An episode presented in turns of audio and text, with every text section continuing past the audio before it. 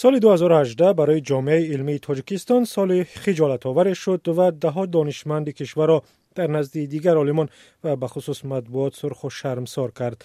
در این سال نامی ده ها محقق تاجیک در دیسرنت پایگاه اینترنتی پیدا شد که به تحقیق پلاگیات و یا از اثردزدی در بین دانشمندان کشورهای شوروی سابق مشغول است کاربران شبکه های اجتماعی هم موضوع داغ برای صحبت یافتند و در پی مسخره آنها شدند که دیسرنت آنها را به اثر دزدی متهم کرده است در مدت تقریبا یک سال در پایگاه دیسرنت نام و رساله های نکمتر از سی نفر از تاجیکستان نشر شد که به گفته کارمندان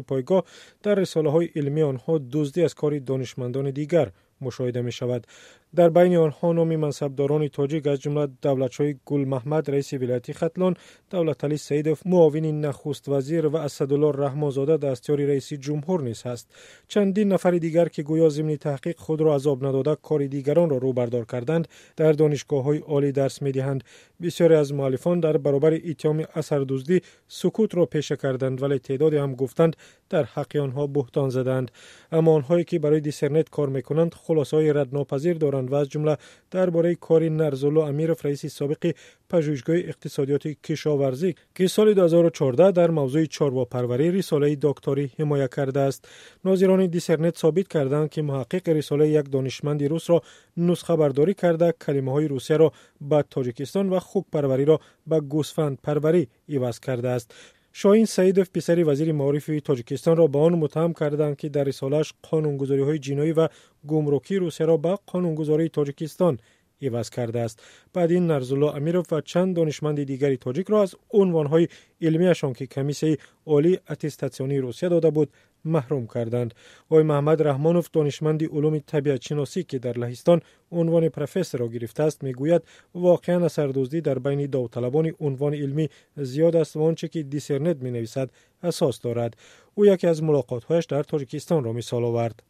گفتم چرا مقاله تیار می‌کنید بعد گفت یه ما مقاله سولای 60 50 میگیریم نام معلف دیگر میکنیم کمتر عوض کرد و چهار تا خیلی مقاله شو کردم گفت اما گفتم چه خیلی هیچ کس نمیخونند میگفت هیچ کس نمیخوند گفت یا آدم این چیزها رو گفت نمیدونند من همین رخ خطی اثردوزی آخر سر می شود اساس اثردوزی همین که مردم نمیخواهند درباره علم کار کنند فقط میخواهند که درجه های علمی داشته باشند به قول دانشمندی تاجیک اساسا آنهای به سردوزی مشغولند که فقط با نظرداشت منفیت خصوصی می‌خواهند عنوان داشته باشند یا به مقام برسند. دانشمندی تاجیک که بعد از سالهای طولانی و تحقیق زیاد عنوان پروفسور را صاحب شده است بر رادیو آزادی گفت اثردوزی هیچ فرقی از دزدی واقعی ندارد و هدف اصلی عالم باید حل مشکل باشد. نه منفیت خصوصی و دریافت عنوان علمی و رسیدن به مقام بالاتر. مقامات تاجیکستان می‌گویند بعد از فاشکاری های دیسرنت طلبات دریافت نامزدی را بسیار سخت کردند و اجازه نمی‌دهند تا افرادی تصادفی با اثر دزدی اعتبار علم و عالمان تاجیک را پس زنند. عبدالحکیم رازق زاده رئیس کمیسه عالی اتستاسیونی روز 25 دکبر به رادیو آزادی گفت در واقع آنها بعد از گزارشات درباره موجودیت اثر دزدی در رساله و تحقیقات دانشمندان تاجیک این مسئله را بررسی کردند و برای راه ندادن به آن چاره نیز اندیشیدند. мо ина хеле э, рости гап таҳлилам кардем ки баъзан э, воқеанам баъзан ҳамн диссертатсияро рӯйнавис мекунанд ва э, сарчашмаро нишон наметиҳанд ки ин ин боиси нигаронӣ аст. Мо ҳеҷ гоҳ ина тарафдорӣ намекунем. Ба хотири оне ки дар мо ҳам ҳамин сурат нагирад мо ҳам аллакай як пойгоҳи вай ҳамин антиплагиат дорем پایگاهی و همین انتی پلاگیت داریم مصاحب رادیو آزادی افزود اعضای کمیسیا امسال رساله تیبی یک نفر را به حمایت راه ندادند زیرا قاعده های پیشنهاد تحقیق را رعایت نکرده است و نتیجه های انتی پلاگیتش هم بسیار پایین بوده است. از سال 2016 و زمانی به کار آغاز کردن کمیسیه عالی اتستاسیونی تاجیکستان در شوراهای علمی به گفته عبدالحکیم رازق زاده 140 نفر رساله حمایت کردند. دانشمند تاجیک گفت در این مدت برای رعایت نکردن قاعده های حمایت و سهلنگاری در کار یک شورای علمی را بستند و کار یکی را متوقف کردند.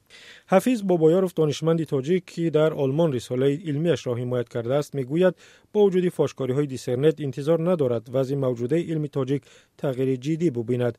او می‌گوید تا زمانی که حکومت تاجیکستان مناسبت خود را به علم و معارف کشور به طور کلی وضع نکند تغییرات لازم انتظار شدن نشاید. حفیظ بابایاروف در مکاتبه به رادیو آزادی نوشت امکان دارد مقیاس و درجه اثردوزی تغییر یابد و راههای نوی از خودکنی تالیفات دیگران پیدا شود. از یک طرف عنوانجویان و شخصان و گروههایی که برای آنها کارهای علمی می نویسند و یا تحریر می کنند می کوشند دیسرنت آنها را فاش نکند. از طرف دیگر احتمال دارد کمیسیه عالی اتستاسیونی روسیه که رساله های علمی آلمان تاجیک را تصدیق می کند طلبات شدیدتر جاری کند تا از این را اثردوزی کمتر شود. به اندیشه دانشمندی جوان تاجیک مقامات تاجیکستان باید نسبت آنهایی که در واقع ضمن تالیف دزدی کردند چاره های سخت بیندیشد تا به دیگران عبرت شود. حفیظ بابایاروف نوشت نخستین چاره باید محروم کردن اثردزدان از عنوانهایشان باشد. دیگر چاره ضروری تقویت و گسترش دادن شورای اتستاسیونی ملی همچون یکی از شرط های اساسی استقلالیت دولتی تاجیکستان است.